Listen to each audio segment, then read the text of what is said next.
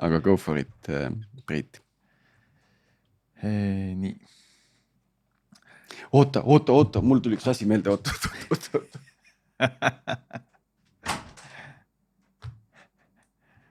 Tiit jättis äh, triik raua sisse raudselt miks miks oli vaja niimoodi joosta?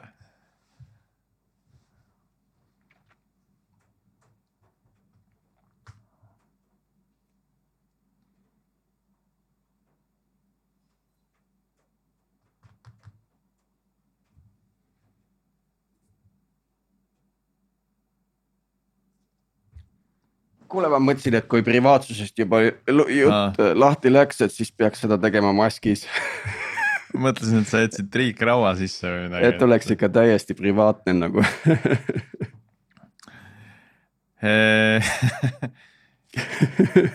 okei, lähme siis. Tiit on privaatselt meil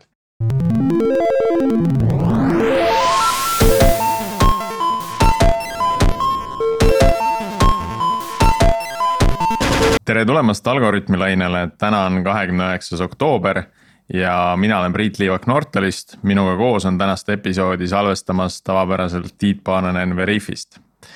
Eh, Tiit on täna väga privaatselt ennast üles seadnud, et, eh, et olla siis eh, teemale kohane, teemaks on siis täna just nimelt privaatsus ja eelkõige vaatleme seda teemat mobiilirakenduste vaatest. ja vaatame ka seda, kuidas siis privaatsust tagada arenduses, kuidas testimine käib ja kõik muu, mis sinna ümber kuulub. võib-olla põgusalt puudutame ka teada-tuntud Hoia äppi ja, ja natukene seda, et mis põhimõtteid selle arendusel rakendati. Tiit, kas sa jääd nüüd terveks episoodiks niimoodi privaatseks, et natukene, natukene hirmus hakkab?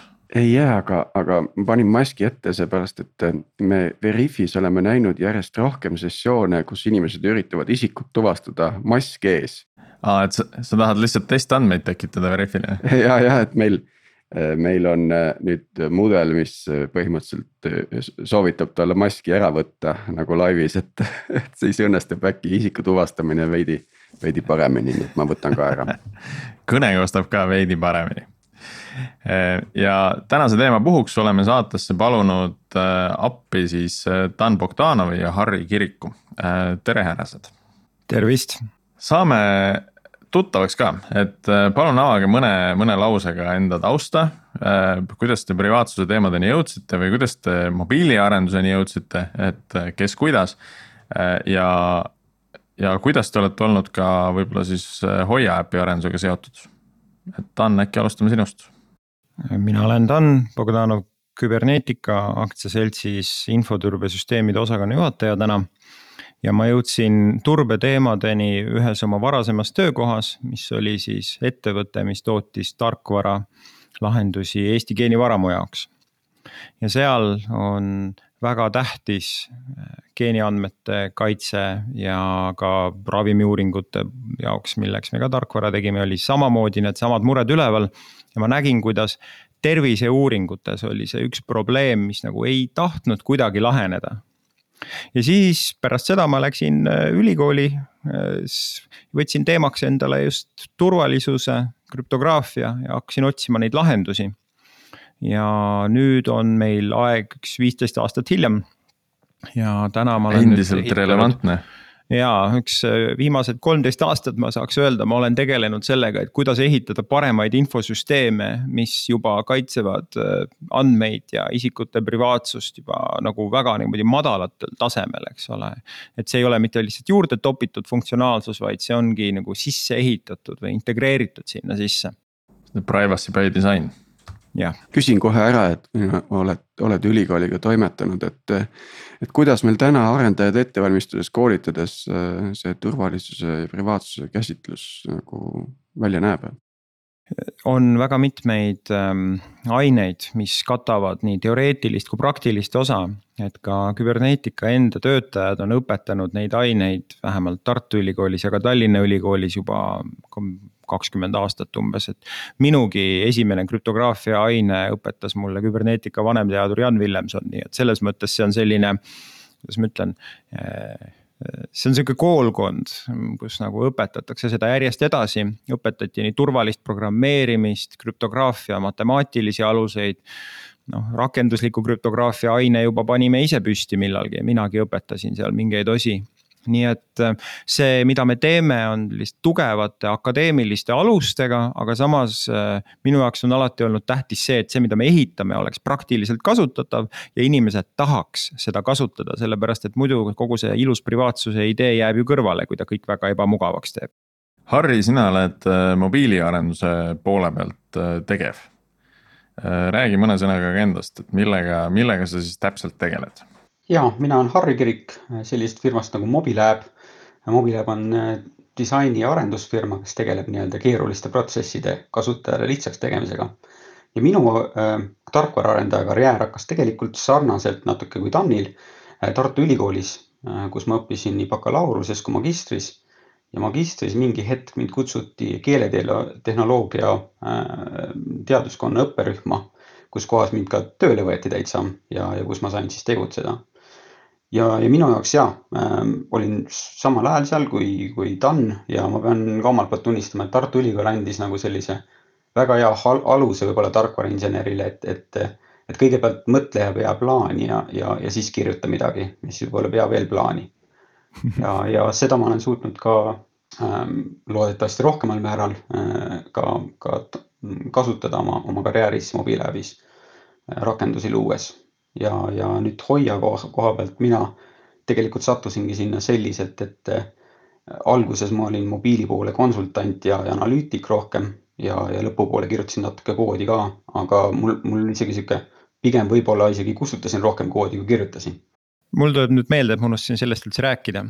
et Hoia rakendusega juhtus selline huvitav asi, et äh, kui see meie tänapäevane Covid-19 kriis ähm, alguse sai siis ma ka hakkasin mõtlema, et mis on see, mida nagu mina tehnikainimesena teha saan. Ja siis ma jälgisin, et millised tehnoloogilised arengud kasutusele tulevad, eks ole et lugesin, kuidas siin-seal tehakse GPS-i põhist kontakti tuvastamist ja äh, igasugused riigid kasutavad mingeid müstilisi lahendusi. Äh, natuke vaidlesin inimestega internetis selle üle, millised neist on nagu mõistuspärased ja millised on selgelt lihtsalt ääretult privaatsust riivavate lahenduste äh, heaks pesemised selle vabandusega, et aga see aitab ju koroona vastu ja siis ühel hetkel ma hakkasin jõudma selliste projektide peale, mis tõesti ehitasid nagu häid süsteeme, mis tundusid olevat nagu disainitud selleks, et oleks nagu võimalik ehitada näiteks mobiilirakendus, millega lähikontakte tuvastada.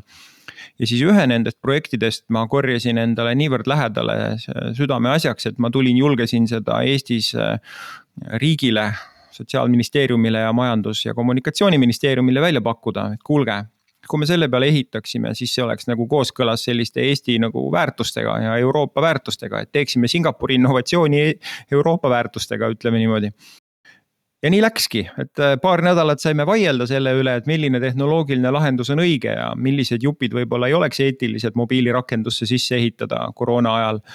aga siis me saime tehtud ja täna on tunda, et saime õiged valikud tehtud kui nüüd minna, minna gramm tagasi ja, ja uuesti sinna, mis ülikoolis õpetatakse, et. lihtsalt meeldetuletuseks ka kuulajatele, et mis on need standardid või, või guideline'id, mis on nagu üldtunnustatud, ütleme selles mobiiliarenduses privaatsust kaits-, privaatsuse kaitsmisel, et kas, kas saab välja tuua midagi sellist? mida, mille lihtne guugeldamine toob nagu inimesed nii-öelda pildile, et saavad aru, et mida on vaja teha ja kuidas Harri, äkki sina, mul on selle kohta jälle tuleb pikem ränd muidu ma arvan, et, et varajastel aastatel puhtpraktiliselt olid, olid mobiilid sellised arvutid, mille peal sai väga vähe teha ja siis pigem inimesed, arendajad sealhulgas optimeerisid selle poole, et teeme kõike, mis vähegi võimalik. ja kasutame kõiki võimalusi ja, ja kõiki andureid ja, ja, ja püüame luua mingeid lahendusi kuna mobiil on nagu võrreldes veebiga sellepärast väga hea, et ta on kasutaja küljes, alati kasutaja lähedal, siis ta ka teab kasutajast kõige rohkem, et kus kasutaja on, mida ta teeb praegu, mis ta eile tegi ja nii edasi. nüüd ja kui, kui aeg on edasi läinud, siis, siis pigem on hakanud see natuke teistpoole pöörduma, et inimesed ja, ja arendajad ja, ja Google ja Apple taipavad, mobiil on inimesega kogu aeg lähedal ja ta teab, mida inimene teeb. ja, ja see andmestik on selline, mida, mida tulekski ettevaatlikult kasutada ja, ja ma arvan, et nagu kui, kui püüda nagu hästi üldiselt neid välja tuua, mis need asjad võiks olla, mida arvestada, siis, siis, siis võib-olla esimene on see, et, et kasuta ainult neid asju, mida sul päriselt vaja on, mida sa põhjendada oskad. et, et ka siin Hoia projektis on, on, on kõik asjad avalik, avalikud, kood on avalik, äh, white paper on avalik. Ja siin samamoodi, et, et me põhimõtteliselt neid asju, mis me kasutame, meil peab olema hea põhjendus, mikspärast meil on vaja neid andmeid. Ja, ja mis andmeid me kindlasti ei kasuta ja, ja ma arvan, et see laieneb nagu üldiselt kõikidele rakendustele. nüüd see, kas seda, kas seda nii-öelda, võib-olla teine asi, mida ma tahaks nimetada, mis, mis, mis on tunduvalt raskem, on see, et selle nii-öelda privaatsuse ja, ja turvalisusega üldiselt peaks hakkama arvestama nagu projekti alguses või siis ennem seda, kui sa hakkad koodi kirjutama sest noh, arusaadavalt turvalisus ja privaatsus on sellised asjad, mis ei ole mingi feature, mille saab peale reliisi juurde lisada, vaid see pigem on noh, algab sellest, et meil on mingid protsessid, mille, mis me kokku lepime ja mis meie põhimõtted on ja, ja siis on võimalik neid juba jälgida. et, et ma arvan, et võib-olla need kaks asja on siuksed nagu baasasjad, mida, mida võib mõelda. ja selle teise asjaga ma vähemalt noh, ma näen küll, et projektides on tihti raske, sest see on selline asi, mis ei, ei ole tavaliselt äh, nagu mingi väga asi, väga, väga, väga äge asi, mida kasutajal müüa saab või mingi väga äge feature, mida omanikule müüa saab või nii edasi mm,. täpsustav, täpsustav küsimus sellega seotud, et kas Apple ja Google äh, annavad sulle mingisugused äh, juhised või handle'id kätte või on sinna kõrvale tekkinud midagi, mis justkui üritab piirata seda, mida nad äh, soovitavad või ei soovita ma tahaks siin selle punkti võtta ise, sest et see on hästi seotud viimase paari aasta arengutega, et see on hästi kõvasti hakanud muutuma. et kui mingi ajani pandi hästi palju kogu aeg võimalusi juurde, siis nüüd on hakanud mobiilioperatsioonide arendajad märkimisväärselt sisse ehitama piiranguid. näiteks äh, seesama lähikontakti tuvastus Bluetoothi abil, eks ole. mõte peaks olema selles, et telefonid omavahel Bluetooth raadiosignaalidega siis mõõdavad kaugust teistest telefonidest ja siis teavad, et kas sa oled olnud kellelegi nii lähedal, et võib-olla te oleksite saanud teineteisele mingit haigust üle anda. selgus, et Apple'i iOS ei luba sul teha taustal selliseid Bluetooth raadiosignaale, sessioone sellepärast, et nad on välja raalinud, et niimoodi saaks näiteks kauplustes inimeste liikumist jälitada ehk siis tegelikult Singapuri rakendus algselt töötas ainult siis, kui telefon ei läinud unne. sul pidi kogu aeg telefon lahti olema, et see üldse töötada saaks iPhone'ide peal. sest muidu noh, läks ekraan kinni, siis iOS pani kinni need sessioonid sul seal taga, mis tähendab, et see asi ei toiminud. ja see on üks äh, suur põhjus, miks Apple ja Google ise ühel hetkel otsustasid, et okei okay,, me teeme siis selle exposure notification API. sellepärast, et ilmselgelt inimesed tahavad midagi ehitada ja meie privaatsus piirangud ei lase seda neil teha järelikult ehitame mingi funktsiooni, mis lubab neil teha just täpselt seda, aga ei midagi ülearust. et selles mõttes on neid piiranguid tulnud järjest juurde ja nüüd iOS neliteist äh, näiteks tuli sellega välja, et ta isegi annab sulle väikse kirjakesega teada, kui mingisugune rakendus üritab äh, sinu kopeeritud teksti nagu äh, kleepida enda sisse kuskile see oli hästi suur kriis, kui selgus, et mis TikTok oli vist see, mis nagu üritas kogu aeg kleepida sealt äh, clipboard'ist kõike, mis seal oli, kui sa olid sinna mõne parooli kopeerinud, siis TikTok võttis selle sealt, eks ole. et ta kogu aeg nagu kleepis sealt asju, et nüüd, kus äh, iOS tegi selle kasutajale kogu aeg nähtavaks, eks ole et siis järsku tuli see välja selles mõttes, et nagu nüüd igaüks näeb, mis rakendused tegelikult teevad, et seda läbipaistvust on tulnud. ja huvitav on olnud see, et noh, Apple on natuke olnud rohkem eestvedaja, Google'il näiteks seda Bluetoothi piirangut ei olnud, et Androidide peale sai selliseid rakendusi teha aga ma ütleks veel seda, et seda standardit väga ei ole, et paratamatult see ärimudel rakenduste ümber, mis eeldab seda, et rakendus tuleb saada tasuta ja siis reklaamidega saada sealt see käive. tähendab, et need reklaamide näitamiseks vajalikud teegid ja raamistikud, mille arendaja sisse paneb. Need võtavad ära kõik su andmed, mis sul vähekenegi on ja küsivad veel juurde ka pärast seda, nii et selles mõttes see noh, ütleme paljud rakenduste arendajad pigem kleebivad sinna sisse kõik, mida vähegi saab, sellepärast et need andmed on see, millega nad üldse suudavad äh, raha teenida. kui halb äh, täna kuskil nendes mobiilirakenduse poodides see seis on, et seal on kindlasti sadu ja sadu äratuskellasid, mis üritavad äh, kõik su kontaktid endale maha laadida ja kuskile äh, mujale serverisse saata, kuhu nad peaks või kõik pildid kätte saada, et teie olles nagu selles valdkonnas võib-olla rohkem sees, kuidas te näete seda, et kui halb see seis on? võib, võib-olla ma täiendaks Tanni siit vastates küsimusele ka, et tegelikult see seis läheb järjest paremaks, äh, sest äh, Google ja Apple mõlemad äh, järjest tugevamalt panevad piiranguid ja need piirangud on eri, eri tasemetel. et seesama Apple ja Google Store'i küsimus on, on põhimõtteliselt selline, et et Google ja Apple nõuavad, et sa uuendaksid oma rakendust ja vastaksid uuematele nõuetele regulaarselt. Et Google on jämedalt umbes korra aastas, ta tõstab neid äh, API tasemeid, millal sa vastama pead. ja see tähendab seda, et sa pead vastama kõikidele uutele turva- ja privaatsusnõuetele. kui sa neile ei vasta, siis sa rakendust uuendada enam ei saa. kui su rakendus oli mingi sihuke asi, mis on loetud nagu ohtlikuks, siis sul rakendus, siis sa pead kas rakendust uuendama või see võetakse maha. ehk siis sind sunnitakse põhimõtteliselt see korda tegema või siis koristatakse su rakendus ära. ja, ja noh, tänapäeval tegelikult, kui sa alustad uue rakendusega siis see algab väga varakult, et noh, Google'i ja Apple'i põhipõhimõte on see, et et osad asjad on keerukad õigesti teha nii turvalisuse poolest kui privaatsuse poolest. et äh, ärme lase neid arendajal teha, teeme need nende eest ära. et näiteks äh, paljudele meeldib krüptograafia ja, ja, ja marketingile meeldib, kui sa ütled, et mu mobiilrakendus krüpteerib andmeid. aga tihti tekib sul sihuke probleem, et okei okay,, et selleks, et andmeid krüpteerida, mul on vaja nagu krüptoalgoritmi. siis mul on vaja seda võtit ka nagu, millega ma krüpteerin seda ja selle lahendasid Apple ja Google suht kergesti ära. Google kirjutas teegi, mis käitub nagu, nagu tavaline salvestusala, mis juba on olemas, aga kasutab siis eh, seadmes olevat võtme eh, kiipi, et sinna luua võti, mis seadmest lahkuda ei saa ja siis kasutab seda krüptogra krüptograafiliseks salvestamiseks. ja idee ongi see, et me teeme selle arendajale ette ära, siis nad ei saa rumalusi teha. see on nagu samm üks kohe. Eh, võib-olla järgmine samm, mida ta teeb, on see, et kui arendajad oma asju ehitavad siis äh, Google, eriti Google on väga heaks läinud selles suhtes, et ta vaatab su koodi ja ütleb sulle, et kuule, et ära seda asja küll tee, sellel on nagu reaalne, reaalne probleem, et on tõestatud, et seal on bugi. mõnikord isegi lingib kuskil blogiposti, et kuule, et nagu see, see ei ole okei okay. ja, ja jällegi, et arendajad saavad oma asjad ära parandada. hea developer näiteks, experience, eks ole.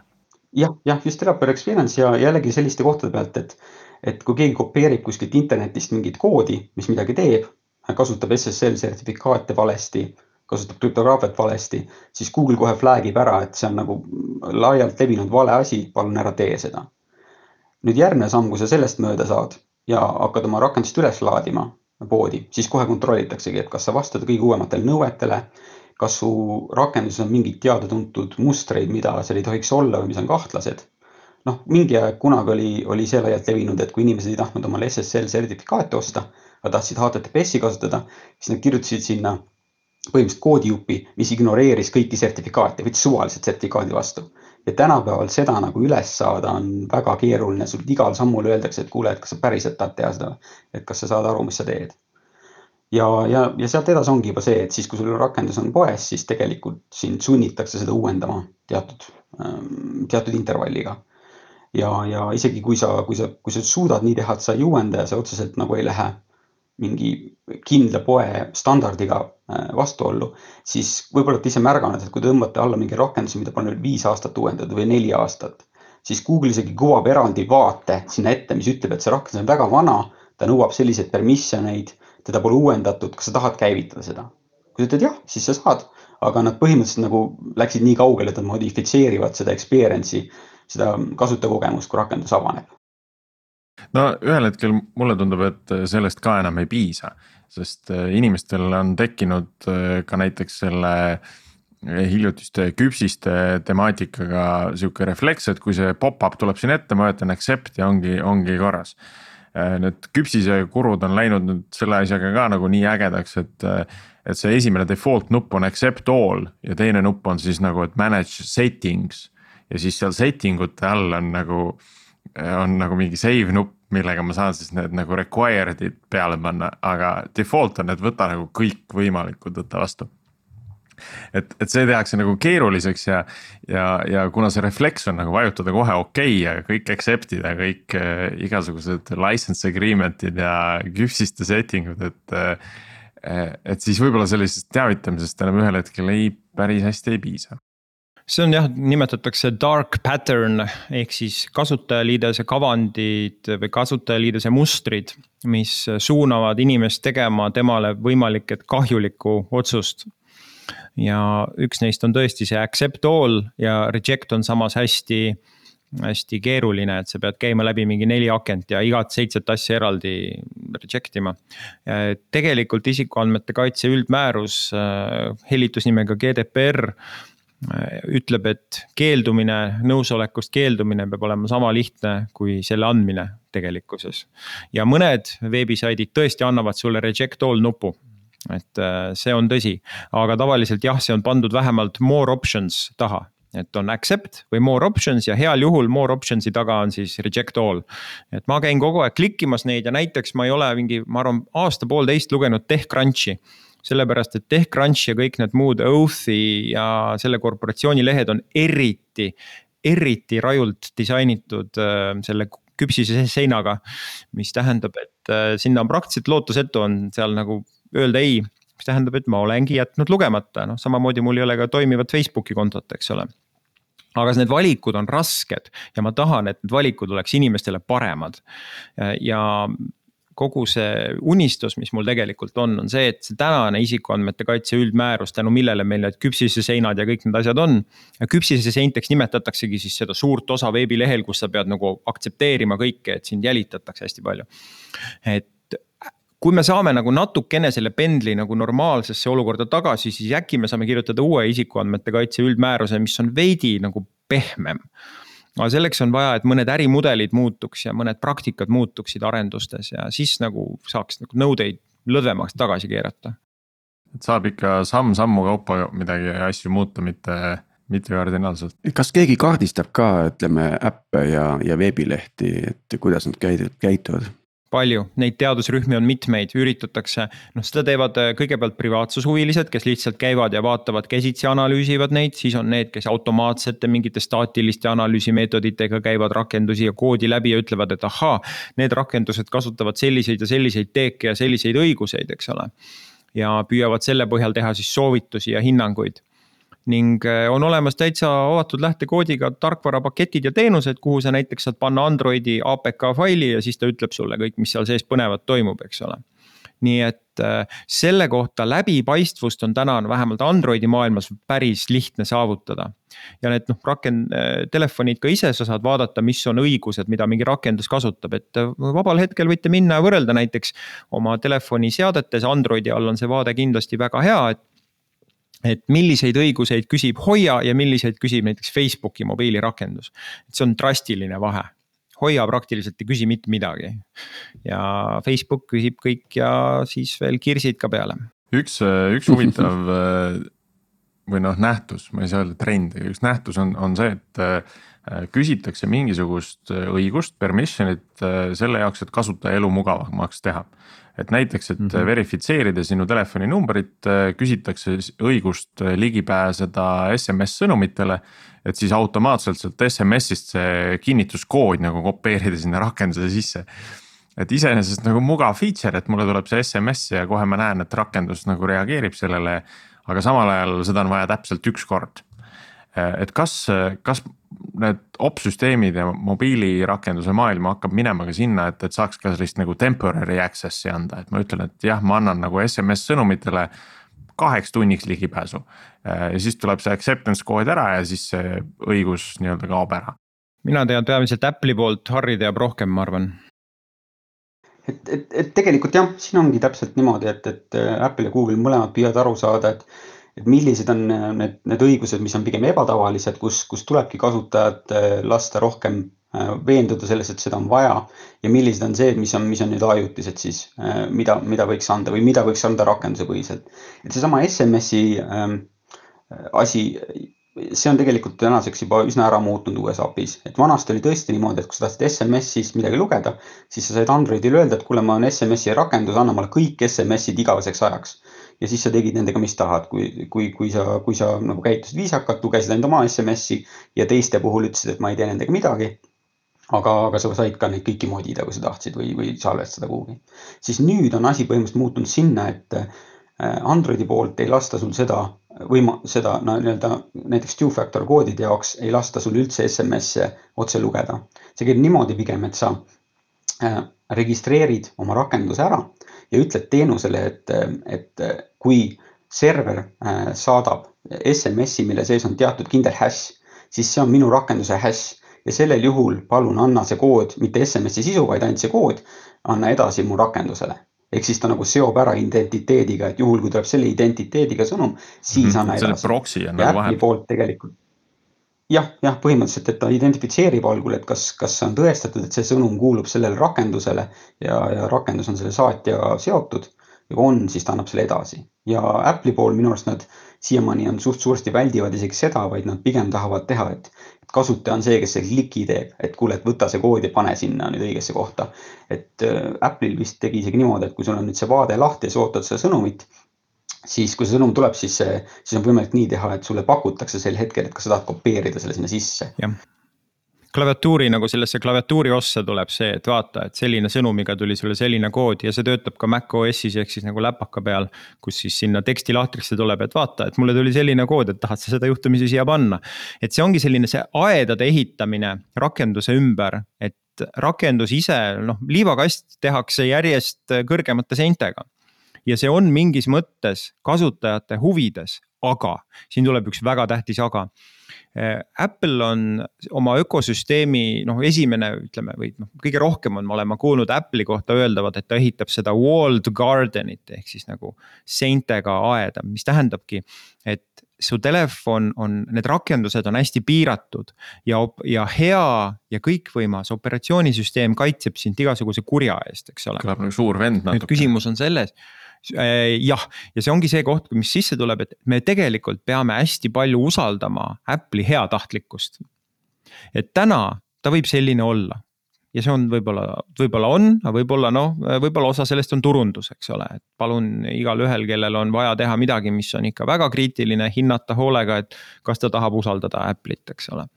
või Google'it või mõningaid Hiina tootjaid veel, eks ole, aga küsimus ongi selles, et kas meie tehnilised seadmed peaksid olema täiesti vabad. no see on jälle mingi selline huvitav liberaalsuse, konservatiivsuse nagu skaalal mõtlemine. aga näiteks noh, kui te võtate oma sülearvutid, kui teil on need, siis seal te, seal on mingid terminalid, te võite käia ja noh, see, see, see masin on hoopis rohkem teie oma kui näiteks mobiiltelefon see, kui sügavale te saate sinna minna asju muutma ilma mingisuguseid erivahendeid kasutamata, see on hoopis teine tase et telefonide ja tahvelarvutitega mingis mõttes õpetatakse inimesi rohkem abitumaks ja võetakse neilt võimu ära samas neid kaitstes, et see on selline nagu heaoluühiskonna või see caregiver state'i nagu analoogia. et kui palju on inimesi vaja kaitsta ja kui palju on võimalik neile siis lihtsalt äh, lasta neil endal valikuid teha paremaid, aga noh, näidanud on maailm, et pare-, et. et kui lasta suurfirmadel kontrollida, siis natukene need valikud kipuvad minema halvemaks inimese enda huvide mõttes. aga noh, minu jaoks oleks küll väga hea, kui kõik need noh, sülearvutite kasutamise oskus enam-vähem säiliks ja seal oleks endiselt lahti võimalik võtta terminal ja hakata admin kasutajaks ja minna ja keerata vajadusel oma operatsioon tükk operatsioonisüsteem tuksi, kui nagu mul on see tahtmine, et mul oleks see õigus vähemalt seda teha oma masinaga, mille ma olen ostnud äh, arendaja vaatest nüüd mind täitsa huvitab, et kui kiiresti, kui kiiresti neid seinu ehitatakse sinna liivakasti ümber. et äh, kas see tähendab, et ma iga, ma ei tea, kolme kuu tagant pean hoidma ennast kursis, mille, mida Apple, Google teeb, juhtuvad need suuremad API muudatused tavaliselt kord aastas kui tagasiühilduvalt äh, nad tavaliselt neid asju lahendavad? see nüüd natuke oleneb sellest, et Apple ähm,, Apple'ile meeldib vahepeal tihedamini asju äh,, tihedamini asju lõhkuda.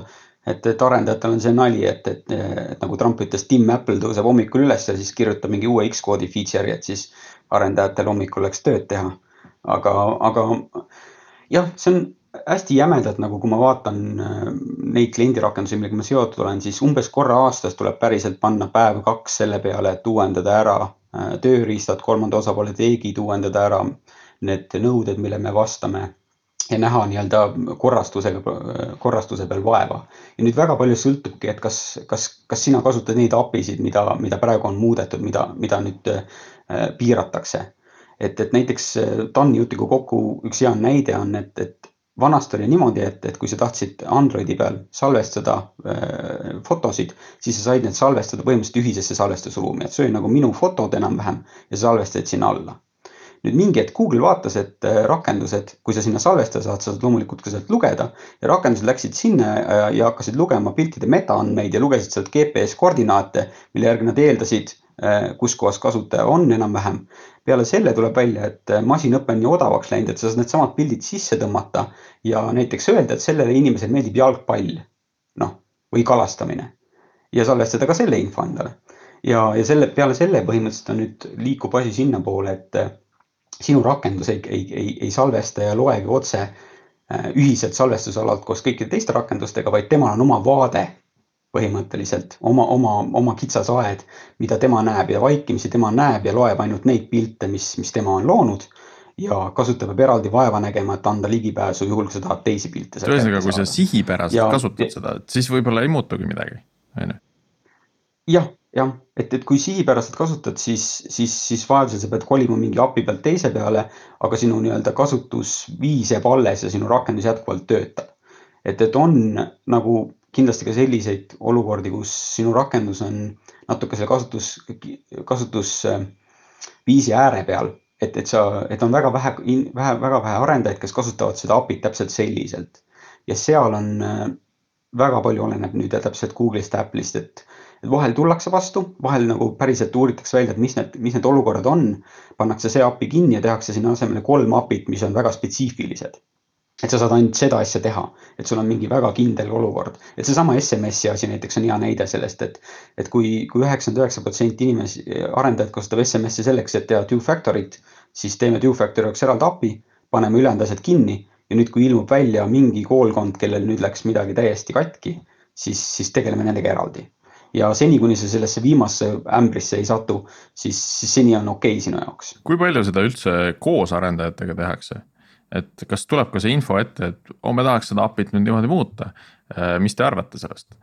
või, või pigem on see sellisel kujul, et äh, noh, kuu aja pärast on see API nüüd äh, selline, võtke või jätke siin, kuna ma ise olen rohkem Androidi arendaja, jälgin rohkem seda poolt, siis, siis ma oskan siitpoolt näidet tuua, et Androidi poole peal nad eriti viimasel ajal on väga palju kaasavad, et, et kui nad hakkavad mingeid API-sid kinni panema, näiteks kuna Android on kirjutatud, kasutab hästi palju Java või noh, põhimõtteliselt on Java VM, siis äh, oli seal võimalik minna ka kasutama mingeid API-sid, mis ei olnud nii-öelda avalikud, kuna Java VM-is sa saad tegelikult läbi Reflectioni ja muude vahendite teha niimoodi, et sa teed mingi asja avalikuks, mis pole avalik.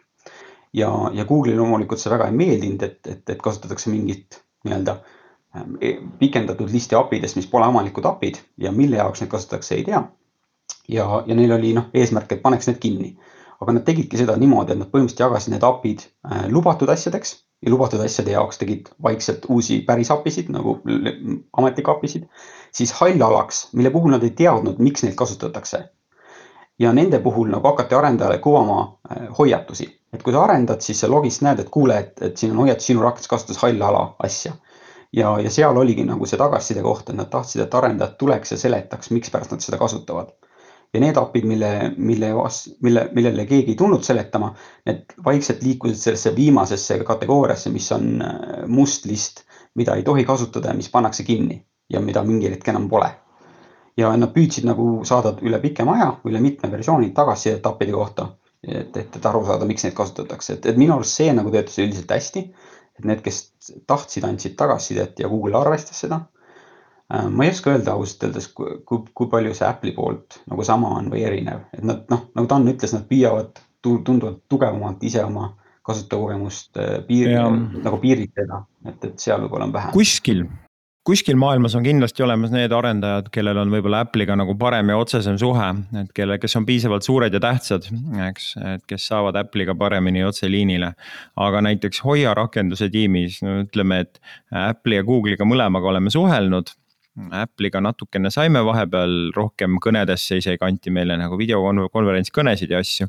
aga mingil hetkel teatud küsimused, mis tundusid olevat keerukamad ja mis, kus vist ei olnud väike Eesti oma rakendusega liiga tähtis, siis me ei ole ka mõnedele emailidele vastuseid saanud, eks ole, nii et see on natuke selline, natuke selline, et ütleme nii, et, et kogu see exposure notification API näiteks Hoia rakenduse puhul on olnud parajasti vastuoluline, sellepärast et terved riigid võitlesid ju selle vastu. Seepärast, et nad tahtsid, et tegelikult saaks teha neid rakendusi, kus on võimalik riigil näiteks teada saada üldse, kes kellega koos on kontaktis olnud. Ja juhtus siis see asi, et mitte ainult Apple ei üritanud kaitsta telefoni omanikku äh, mingi paha teenusepakkuja eest või noh, oli niimoodi, aga eriti rangel tasemel, et Apple üritas kaitsta ka kodanikku riigi eest. et riik avastas, et riik ei saa teha sellist rakendust, nagu ta tahaks sest Apple ja Google ei lase.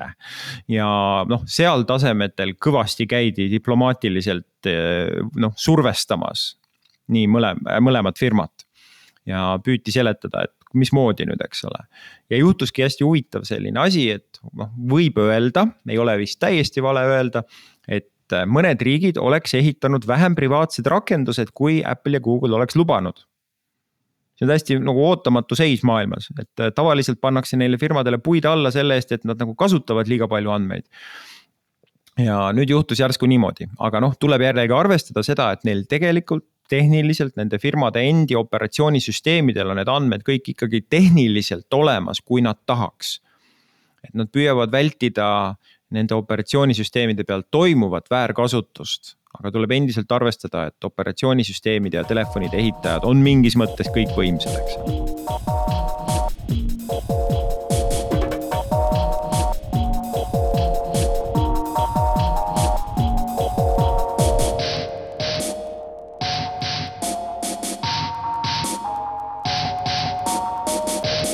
igasuguste ohtude ja, ja, ja haavatavuste vastu on nagu kaitse, kaitsvad teenused olemas, mida ma saan mugavalt oma CI flow'sse nagu rakendada ja juba sai mainitud ka, et APK-d saab nagu suhteliselt hästi lahti võtta, et mida, kuhu ta salvestab, et.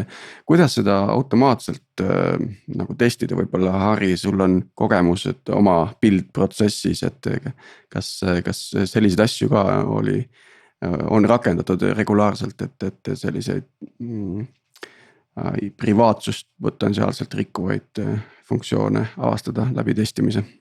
Äh, ja, siin on nagu noh, ähm, lihtsam ja otsesem vastus ja, ja natuke laiem vastus, et see lihtsam, otsesem on see, et et, et väga tõesti pakutakse väga palju erinevaid tööriistu ja, ja näiteks jällegi minu praktika poolt Androidi poole peal.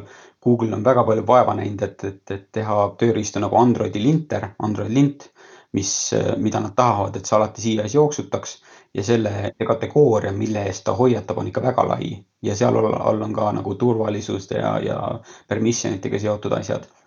et, et, et kui sa selle ikka läbi joostad ja sul on üsna raskeks tehtud seda, et sa ei jooksutaks seda läbi, et, et nagu ikka põhimõtteliselt teeme need asjad raskeks, mis on valed, teeme need asjad kergeks, mis on õiged, siis, siis see on nagu väga hea koht, kust alustada. Et need asjad läbi mõelda. nüüd see mõneti, eks ju, ikkagi vaatab üksikuid asju, mida, mida valesti kasutatakse. aga, aga need ohtlikumad ründed ja siin Dan oskab rohkem rääkida, on pigem mingisugune olukord, mingi üldisem olukord, mis on, mis on võimalik millegi tõttu. noh, nagu näiteks seesama Tiktoki näide, eks ju. et, et, et, et sul on võimalik teha sihukest asja, et sa lihtsalt iga, iga kümne sekundi tagant, iga kolmekümne sekundi tagant loed endal clipboard'i. ja, ja nende vastu nagu ähm, arendaja poolt, noh arendaja poolt ise, kui, sa tahad luua rakendust, mis, mis ei eksiks sihukeste asjade vastu, siis siin pigem on ikkagi, ikkagi ma tooks nagu näite praegu Hoia poolt, et, et ennem kui sa arendama hakkad, sa pead äh, maha istuma. sul peab olema keegi ekspert, kes panebki kirja, et mis on need asjad, mille vastu me kaitseme, kes on need, kes meid ründavad, mis on need asjad, mis me nagu ise lollisti teha ei saa ja neid asju on tavaliselt nagu väga raske mm, päris CS automaatselt testida. jah, on küll kolmanda osapoole teenused, mis on päris kallid, mis püüavad seda sulle analüüsida võimalikult sügavalt. aga nad on ikka tavaliselt mingid üldisemad tööriistad, et nad ei tea täpselt sinu rakenduse konteksti.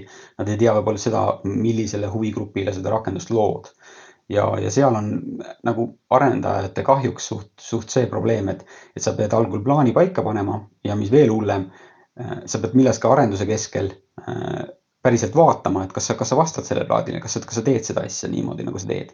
et jah, et arendajate code review ajal ka vaadatakse seda, aga, aga tihti juhtub, et pigem seal tegeletakse funktsionaalsusega, pigem sellega, et asjad töötaks väga hästi, mitte see, et mingeid asju ei tehaks. ja, ja selle jaoks on nagu väga hea, et see, et see checklist, checklist, mis alguses tehtud on, ette võtta, võtta ka arendajad koosolekule tehagi see ebamugav koosolek, kus küsitakse, et kas me seda täidame. nagu kus me ise oma südametunnistuse pealt saame öelda, et me täidame seda või mitte ja, ja mis, mis, mis on nagu veel hullem, see vastus tavaliselt ei ole jah või ei, vaid see jah, vastus on tihti, et, et pigem täidame nagu, et, et saaks no, veel paremini, seda veel paremini. aga enam-vähem, eks ju jah, või siis, või siis, et oi, ma unustasin selle täitsa ära, mis on no,. see nagu on hea, see on õppimise äh, koht, eks ole. just, just, aga ma tahtsin seda öelda, et, et, et see, seesama asi kahjuks on, mis, mis nagu veel kurvem on, on on, on privaatsuse ja turvalisuse poolt kahjuks tulebki välja, et need hallalad ongi nagu väga levinud. et, et hästi kiire näide, et, et kui sa tahad teada, et kas see, kes sinuga räägib, on päriselt sinu mobiilirakendus või on keegi selle APK lahti võtnud ja sinna koodi juurde kirjutanud või on see kellegi mingi diagnostika tööriist. siis sellel ei ole tegelikult head vastust. et on hunnik tööriistu, mis ütlevad sulle, et tõenäoliselt on see sinu enda rakendus või, või paistab, et see ei ole su enda rakendus. ja, ja siis, siis on üsna raske, et, et siis sa pead otsustama, et aa, ma tahan, et kasutada praegu teha seda, selle turvalisuse tase on selline kui me oleme üsna kindlad, et see on minu rakendus, siis me vist tahame seda teha, aga järsku me tahame kasutajat hoiatada. noh, see on tüüpiline, et ma tahan midagi allkirjastada äh, näiteks Smart ID-ga, aga kasutajaseade on root itud. noh, võib-olla ta on ekspert, võib-olla ta tahabki kasutada root itud seadet, aga võib-olla tema seade on lahti murtud mingi malware'i poolt ja ta ei teagi, et see on root itud, eks ju. või siis ei ole üldse kasutajaseade, võib-olla on nagu pseudoprobleem, keegi äh, teadur ründab meid praegu, eks ju. ja see on nagu ebameeldiv hall ala oh, siin tuli nii palju asju, kuhu tahaks kohe juurde rääkida, alustame esiteks. Hoias tehti see analüüs alguses ära, kakeldi selgeks mingid kohad ja kui te lähete nüüd äh, lähtekoodi hoidlasse, Hoia oma, siis seal on ka dokumentatsioon ja seal dokumentatsioonis on äh, asi nimega ründaja mudel, kus põhimõtteliselt nähakse ette kõik asjad, kes võivad üritada midagi koledat teha selle Hoia rakenduse taristu abil. ja seal on kõik sees, seal on suhtlus arendajate ja Apple'i vahel ja kõik nagu need ründepinnad, et kus kaudu on võimalik teha midagi, mis mingit moodi seda turvalisust rikuks. ja see on seal ilusti lahti kirjutatud ja ma, me panime sinna päris kõvasti auru. just selleks, et oleks üks avalikult näha olev terve rakenduse turvaanalüüs ma julgustan kõiki, minge otsige see riigi koodivaramust ülesse, ma arvan, et äkki on võimalik äh, panna see aadress ka kaasa mõne selle podcast'i uudisega. ja minge lugege, kuidas me seda tegime, sellepärast et see on, tugineb ENISA, mis on siis Euroopa Küberkaitseagentuur, mõnedel soovitustel ja me analüüsisime seda siis selle Hoia rakenduse spetsiifikaga veel läbi ja seal on ka põhimõtteliselt siis pärast eraldi tehtud see nii-öelda auditi aruanne, et mida me kontrollisime ja kuidas, et mitte ainult see, et me tegime, vaid me ka kontrollisime siis ähm, tahtsin rääkida veel nagu sellest, et kas operatsioonisüsteemid saavad üldse olla paremad. mõned, üks, mis see oli neli aastat tagasi algas üks DARPA äh, teadusprojekt, mis oli nimetatud ühe Ameerika ülemkohtuniku Louis Brandeisi järgi. ja selle kogu projekti mõte oli arendada privaatsust edendavaid, privaatsuskaitse tehnoloogiaid ja meie kübernetikaga olime seal ka sees, meie arendasime miskisuguseid äriprotsesside analüüsi, automaatse analüüsi meetodeid, millega siis tuvastada, et kui palju saab üldse lekkida andmeid mingisugusest infosüsteemist, kui sa oled selle ära modelleerinud. väga kihvt teadus, meil on selle kohta ka kihvt tööriist aga me olime, me pidime ka rakendama seda tööriista siis mingite päris rakenduste peal ja me töötasime koos siis ühe Ameerika meeskonnaga, kes ehitas privacy enhanced Androidi kes põhimõtteliselt üritas ehitada Androidi sisse privaatsuskaitse tehnoloogiaid mingitele noh, mingitesse tasemetesse, et nagu minna veel, veel paar sammu kaugemale, kui Google on läinud ja demonstreerida, et vaadake, me saame integreerida siia sisse mingit turvalist ühisarvutust või homomorfset krüptot või midagi sellist. ja sellega me saame ka tagada, et nagu rakenduse tasemel midagi krüpteeritakse ja ka operatsioonisüsteem ei saaks siis sellele ligi. Et äh, seal me ka ehitasime mingisuguseid rakendusi, et püüdsime neid analüüsida ja modelleerida, et see oli kihvt ja ma tahtsin veel öelda selle kohta, et kui me rääkisime automaatsetest tööriistadest, siis äh, ma olen ka kunagi nagu rohkem programmeerinud, kahjuks viimasel ajal see on läinud veits käest ära, et enam aastaid pole saanud teha seda, aga okei. Okay.. kunagi, kui meil olid nagu kompilaatorid, mälet-, kes, kes on nagu kirjutanud Linuxite asjade peal, siis teavad, et GCC oli see põhiline avatud lähtekoodiga kompilaator. aga umbes nii versioonini kolm-neli oli ta kohutav spageti põhimõtteliselt ja siis ühel hetkel juhtus see, kus see LLVM ja C-lang või noh, klang, need kompilaatorid hakkasid järsult arenema. ja nad hakkasid arenema suuresti sellepärast, et näiteks Apple oli üks firma, kes ronis sinna taha ja alguses ma ei saanud aru, miks nad seda teevad. ja siis ühel hetkel ma hakkasin aru saama, siis kui selgus, et tänu sellele uuele ümber ehitatud kompilaatori nagu arhitektuurile suutsid nad ehitada oluliselt paremaid analüütika süsteeme sinna sisse, otsida vigu, näidata arendajatele, kus tal on halvad sõltuvused koodis. et nad põhimõtteliselt hakkasid ise investeerima kompilaatoritesse selleks, et saada endale paremaid arendusvahendeid. ja siis läks, mõned aastad läksid edasi ja siis liiguti Objective C-lt üle Swiftile mis on põhimõtteliselt nagu terve Apple'i maja sees endal äh, disainitud keel. mille kohta ma võin julgelt öelda, et selle asja üks eesmärk oli saavutada just täpselt see, mida Harri kirjeldab, ehk siis luua miski, mis on veel paremini analüüsitav, mis veel vähem lubab endale jalga tulistada, mis on, toetab arendajat veel ja veel ja veel ja veel. selles mõttes tänapäeva inimesed, kes hakkavad täna programmeerimist õppima, mul on teile häid uudiseid, teie elu on palju lihtsam kui kümme aastat tagasi oli, et äh, märkimisväärselt vähem on võimalusi jalga tulistada. see on igas keeles. noh, see ongi see, et kui sa oled suur firma, siis sa jaksad investeerida alustehnoloogiatesse, nii nagu ka Apple on investeerinud sellesse WebKiti, mis on nagu mitmete brauserite all täna aga seda võib äh, jälle näha sellise ohukohana ka, et. Äh, et neil on hästi palju kontrolli samamoodi selle üle, noh.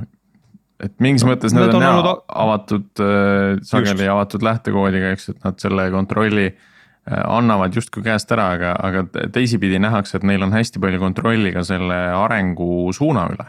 et see on see riskikoht, et nad, nad saavad öelda, kuhu see asi järgmiseks läheb ähm, siit no, tulevadki need Linux Foundation'id ja, ja et alati on see omamoodi trade-off.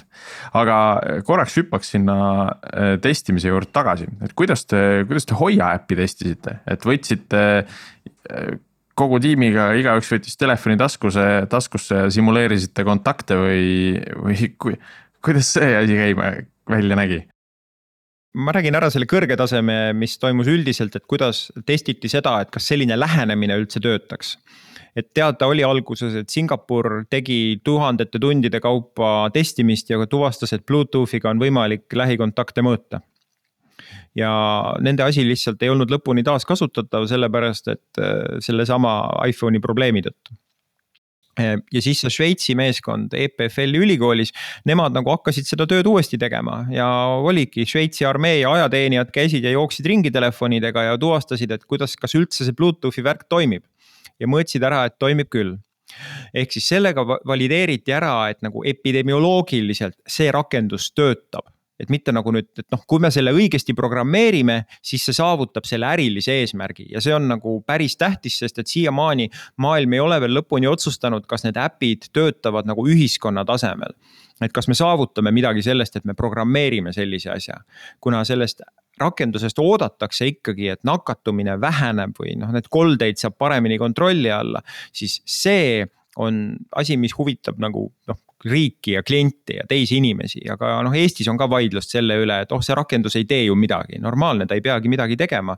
kui ta sul taskus ei vilgu kunagi, siis sa tähendab, et sa oled olnud kogu aeg terve ja ole edasigi terve. ja see, kuidas me noh, ja siis me võtsimegi ühel hetkel lahenduse, mille kohta me teadsime, et see töötab. ja siis me hakkasime seda teostama ja teostamise testimisest räägib Harri, sest ta teab seda palju paremini äh, ja, ja et, et põhimõtteliselt meil oli, meil oli hea olukord, kus me teadsime, et see, see üldine asi töötab ja me teadsime, et šveitslased olid pannud väga palju aega selle peale. Ähm, meil oli andmeid selle kohta, et nad kasutasid isegi sõjaväge ja, ja ülikooli ähm, võimalusi, et, et, et mängidagi läbi asju et kuidas loengus olles asi töötab ja kuidas kohvikutes ja nii edasi. nii et meile endale nagu pigem meie rõhusime jämedalt äh, kahele asjale, et, et, et üks oli see tüüpiline testimine, et, et, et sul on, või noh, tegelikult kolmele, et, et meil on, eks ju, rakenduse mingid testid, mis on tüüpilised unit testid. Ähm, seal oli suuresti ka Šveits päris palju ära teinud, sest nende pakutav teek oli juba testidega kaetud ja kogu äriloogika oli õnneks seal nii et meie põhiline äriloogika ongi ainult nakkuse kinnitus, millega tegeleda.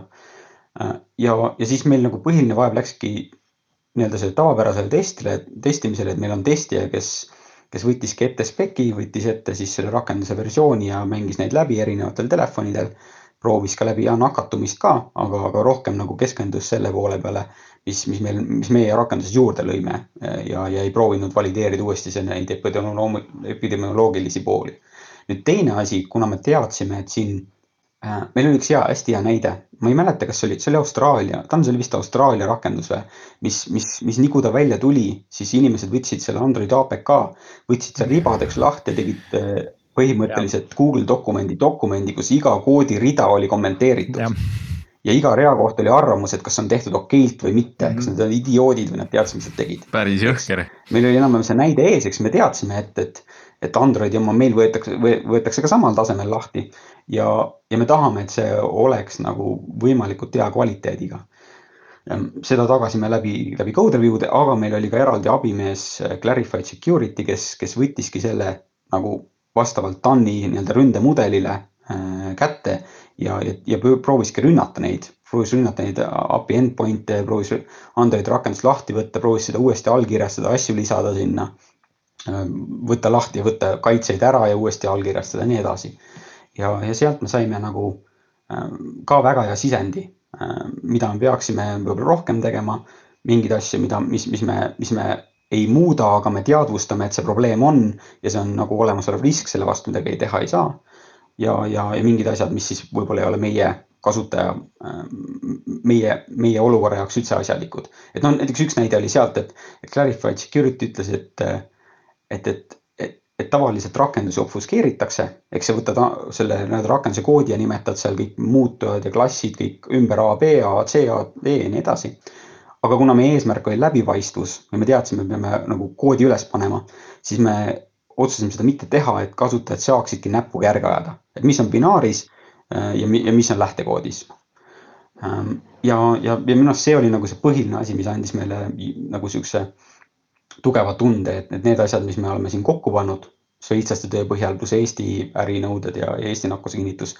et, et see on nagu piisavalt turvaline ja seal ei ole selliseid üllatusi, mis, mis, mis isegi siis, kui inimesed selle täiesti lahti võtavad, meie jaoks nagu üllatusena välja tulevad. siin minu arust huvitav asi on see, mis te tegite Clarified'iga, et, et mitte lihtsalt ei andnud ette nii-öelda välisele osapoolele sellise turvaauditi tegemiseks äh, seda tarkvara. vaid te andsite kaasa ka endapoolse ründemudeli, et, et selle nii-öelda sisendinfo, mille siis noh, et see, selle baasi või põhja, et mille puhul te tahate, et see kindlasti nagu vastu peaks või et millele see vastaks. et, et see on väga selline nat-, natukene teistmoodi lähenemine, et, et sageli lihtsalt visatakse see kood üle aia, öeldakse, et noh, vaadake, mis te leiate. no me tegime seda, vot me nagu tahtsime seda, et me teadsime, et me ehitame taristu, et sellest saab taristu, mida peaksid panema peale sajad tuhanded Eesti inimesed eks ole, ja väga kiiresti põhimõtteliselt me tahtsime, et seda saaks juurutada, mis tähendab, et meil ei olnud üldse aega selleks, et, et äh, me jääme kusagil mingi turvaasjaga vahele. et meil oli vaja kohe algusest, noh, et meil oli vaja, day one kõik ütlevad, et see on väga hästi tehtud et kõik kiidaks, kõik kiidaks, kõik tavapärased professorid, keda kutsutakse nagu esi, raadiosse esinema või lehte sõltumatut äh, seisukohta võtma, et kõik ütleks, et see on okei okay.. ja me ei käinud neid ka ette töötlemas, me lihtsalt püüdsime teha nii hea töö, et nad kõik nagu saaksid olla uhked juba ette ära.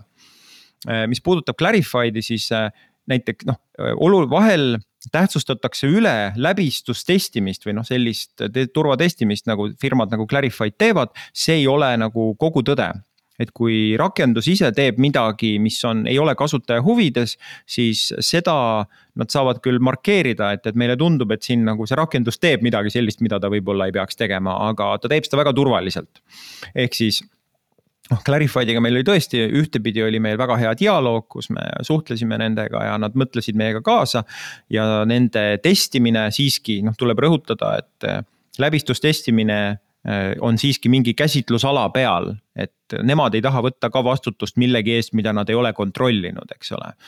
nii et äh, kui ka keegi ütleb teile kusagil, et miski asi on läbistustestimisega kaetud, et siis see tegelikult ei tähenda, et kõik on turvaline, vaid tähendab, et see, mida kontrolliti, see ulatus nagu vastab mingitele ootustele siis ja see ei ole mitte selleks, et öelda, et Clarified tegi vähe, vastupidi, Clarified tegi suurepärast tööd, lihtsalt see on, on nagu nad ise ka ütleks, et on õiglane alati öelda, et kui midagi läheb katki, siis ja see on väljaspool seda ala, mida nad testisid, siis see ei ole nende süü jah, just ja, ja seal ongi tegelikult nagu see, see, see tulemus ei tule tavaliselt noh, rakenduse jaoks tulemus ei tule mitte sel hetkel, kui Clarified oma raporti annab, vaid see tulemus on sel hetkel, kuni, kui siis nagu see rakenduse tiim selle raporti läbi loeb ja otsustab, et, et mis on, mis on nende jaoks valiidne, mis ei ole, mida peab muutma. sest ma, ma soovitan kõigil proovida, on selline tööriist nagu MobSF. Äh, ta on vist Mobile Security Framework või midagi sellist, töötab Maci peal, Windowsi peal, Linuxi peal sa download'id selle, tõmbad endale alla arvutisse, teed väikse setup'i ja saad talle ette anda suvalise APK. võib ka anda Facebooki APK, mis iganes ja ta vaatab sinna sisse ja püüab ära märkida kõik asjad, mis on turvalisusega seotud. nüüd see probleem, see probleem on see, et see raport tuleb ilus ja pikk, ikka nagu tõsiselt mitu lehekülge. ja, ja, ja see nii-öelda see tase nendel erinevatel raporti osadel on väga erinev. et mõned on lihtsalt sellised, ta ütleb, et, et, et see rakendus kasutab asja A ja seda asja A-d võib valesti kasutada. ja noh, tee selle teadmisega, mis sa tahad. et, et noh, võib valesti kasutada jah, et, et kasutab midagi kõva ketta pealt, kõva ketta peal võib midagi valesti kasutada, mis iganes, eks ju. või, või et ta kasutab äh, jah, no põhimõtteliselt on hunnik erinevaid mingeid väga spetsiifilisi asju, millel ta ütleb, et, et enam-vähem, et olge ettevaatlikud, et seda valesti ei kasutaks. ja nüüd ainuke viis, kuidas seda nii-öelda raportit kasutada kuidas seda kellelegi anda niimoodi, et ta väärtust annab, ongi arendaja käib need ükshaaval läbi ja kirjutab juurde sinna. jah, rakendus kasutab seda, aga me kasutame seda ainult selle kindla asja jaoks ja mitte muuks. ja nüüd meil on mingi asi, meil on nagu tulemus ja arendaja väide ja, ja keegi saab minna koodi kontrollima. ja see on see, see on nagu siis, siis sul on nagu mingisugune tulemus. aga kui sa lihtsalt selle pika raporti annad kellelegi, siis ta lihtsalt vaatab sinna peale, et aa, siin on viiskümmend item'it nagu midagi ei oska öelda, lihtsalt see rakendus on lihtsalt suurem rakendus, on rohkem itemeid, vähem rakendus, vähem itemeid kui meid nüüd äh, kuulab äh, paar tuhat arendajat, kes äh, mõtleb, et, et nad ei tea nüüd, mis nende telefonis on. kuidas nad just nüüd teada saaks, et võtta oma kogu, kõik oma äpid ja lasta sellest MobSF-ist läbi või saavad nad panna mingisuguse Wiresharki moodi proxy, millega nad näevad, kuhu üldse nende telefon andmeid saadab tuleks hakata nullist pihta, teha üks korralik reset ja siis iga äpi puhul nagu läbi hakata mõtlema et noh, see on ka ju tegelikult situatsioon, et inimesed on juba täna punktis, mitte punktis A, aga punktis B juba, eks ja tahaks nagu turvalisuse poole minema hakata.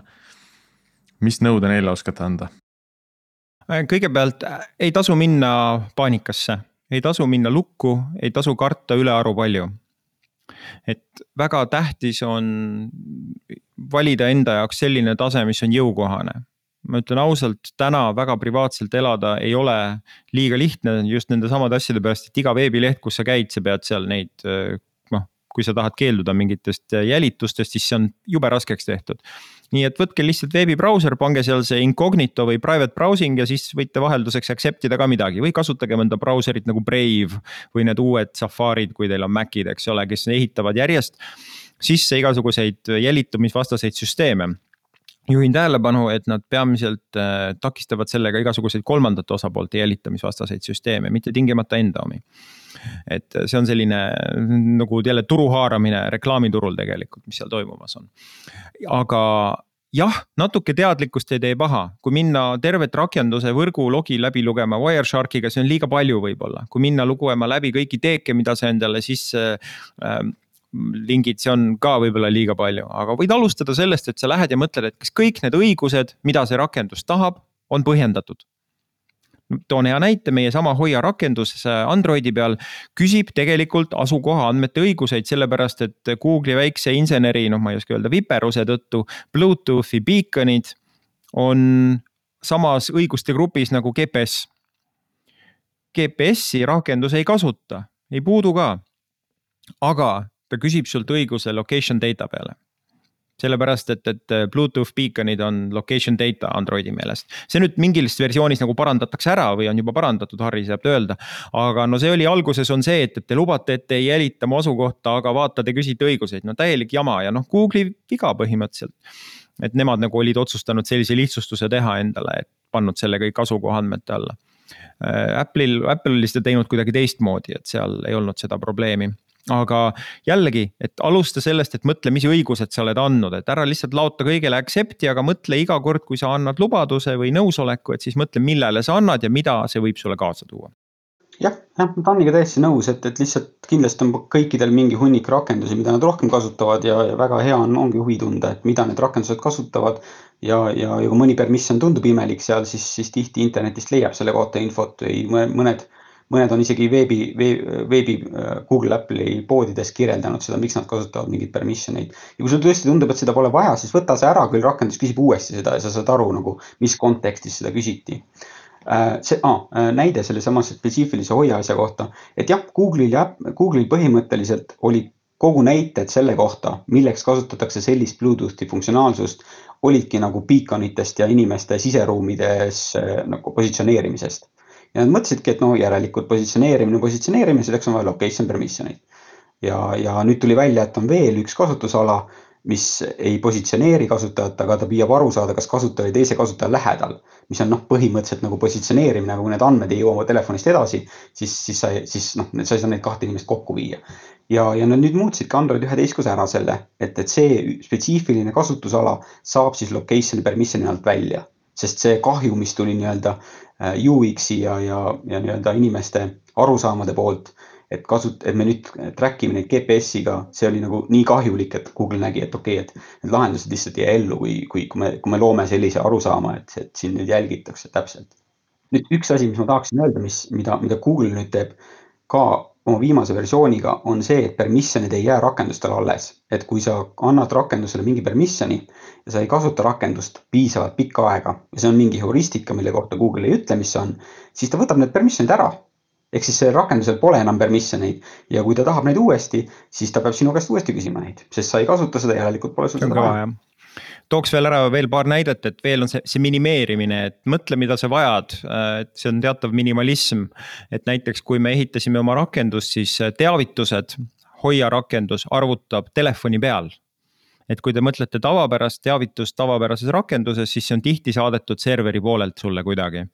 Et Hoia puhul ei ole teenust, kes saadaks sulle teavitusi, sellepärast näiteks me ei tea, me ei saa anda statistikat välja, et kui palju on Hoia väljastanud teavitusi, sest me ei tea ja selle kohta on jälle see huvitav koht, et mõned ikkagi ehitasid enda rakendusse sisse mingi Google Firebase'i.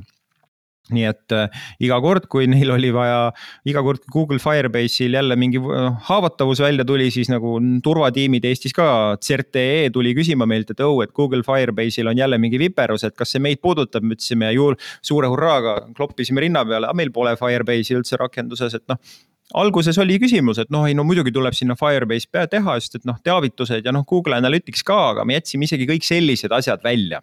sest et me otsustasime, et selle rakenduse puhul me noh, saame äkki ilma hakkama kuidagi. praegu me oleme muidugi noh, püsti hädas sellega, et telemeetriat ei ole. Äh, kasutajate, aktiivsete kasutajate arvu mõõta ei saa, äh, teavituste arvu ei ole, kõik, mis me teame, on äh, see, mis Terviseameti ja TEHIK-u tugitelefonidele tuleb et kui me sealt kuuleme asju, siis me sealt kuuleme, aga sealt me kuuleme päris hästi, nii et äh, me teame, et inimesed kasutavad ja arvestades, millistesse ikaldustesse nad jõuavad selle rakendusega vahel, siis me teame isegi, et rakendus nagu töötab, et ta teeb seda, mida ta peab tegema.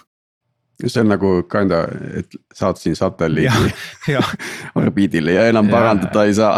Just. Selles mõttes ja ma võib-olla siia lõppu küsiks sellise küsimuse, et tehnoloogia areng loomulikult nagu kogu aeg seda privaatsust nagu rõhub siit ja sealt, eks ju, et ähm, samas. me harjume järjest asjadega ära, ütleme oma nägu, selle näo esinemine erinevates lindistustes, CCTV kaamerates ja nii edasi, on ju. Ähm, meie lennujaamas võetakse nagu skeletini lahti, tead et, et kuidas see privaatsus nüüd ajapikku muutunud on, et mis on need asjad, mis varem olid nagu kindlasti no-no, aga nüüd tundub, et äh, saab olema ikkagi osa, ütleme. nagu elust, et ilma selleta nagu päriselt hakkama ei saa, et siin juba seda küpsiste värki mainiti, et nagu muidu sa ei saagi nagu enam midagi kasutada lõpuks, eks ju. üks, üks suuremaid võitluseid praegu on biomeetria äh, sellepärast, et biomeetrial on üks suur õnnetus, äh, sellest sa ei saa väga hästi loobuda et näiteks, kui sa oled oma sõrmejäljed kuskile andnud ja need on lekkinud, siis sa neid nagu tühistada ei saa, et oma Smart-ID võtmed sa saad ära tühistada. Äh, ja nii edasi, samamoodi geenid, äh, näopilt, noh näopildiga saad midagi teha, juuksed saad ära muuta juuksestiili, aga noh, mõnedele firmadele on jälle oluline, et hoolimata sellest, mis su soeng on, me suudaks sind ikka autentida, et Tiit oskab kindlasti kommenteerida, seesama maski näide, mida sa tõid näiteks. kohe, kui koroona tõsisemaks läks, siis hakkasid ka mingid masinõppe inimesed hullult mõtlema, et oh-oh-hoo, teeks nüüd sellise ägeda mudeli, millega me saaks tuvastada inimesi ka siis, kui neil maskid peas on. mille peale eetikaud olid kohe nagu jalgel, et te saate aru, et sellega te põhimõtteliselt muudate jälle võimalikuks näiteks kõikvõimalike meeleavaldajate identifitseerimise identifitseerimise, eks ole, et noh biomeetria on praegu suur madin ja selle üle, et kas massbiomeetria peaks olema lubatud või mitte, selle üle vaieldakse Euroopa Komisjonis, Ameerikas, igal pool.